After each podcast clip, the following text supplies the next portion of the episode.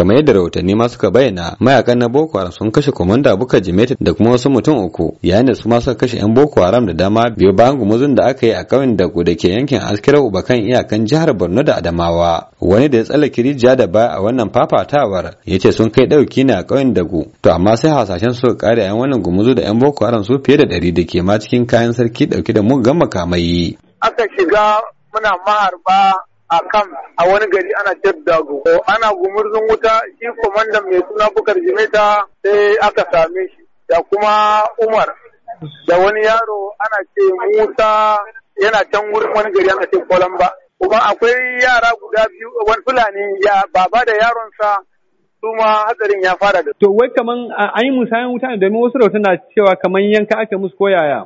A'a musanyen wuta ne kaya kare. Kamar shi komanda ya nuna akan cewa shi ba zai ja baya ba.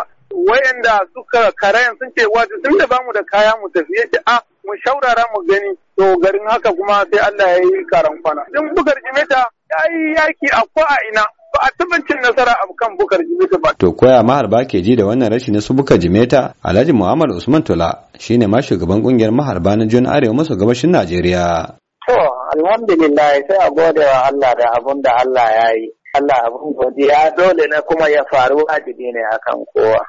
Mu a shirye muke har yanzu mu ba fashi muna kan bakanmu. Kuma in Allah ya yarda kamar yadda abun nan ya faru da hukumomi da za a samu haɗa hankali. Dole sai a sa taimako kuma yadda za a gudanar da al'amari zuwa ga ɓangaren arewacin nan yadda za a yi taimakon wannan abun. Haila yau, shugaban maharban ya ce duk da wannan sadaukar da rayukansu da suke yi a yanzu ba kulawa da su batun da ya ce kama kare lagon wasu 'yan sa kan.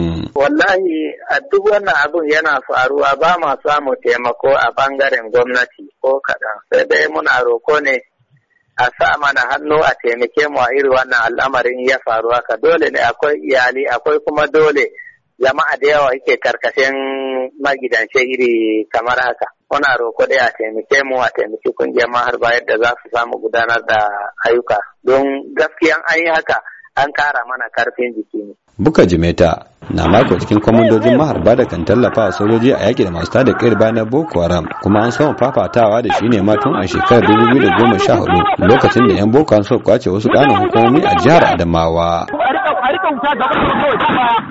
Gaba gaba ba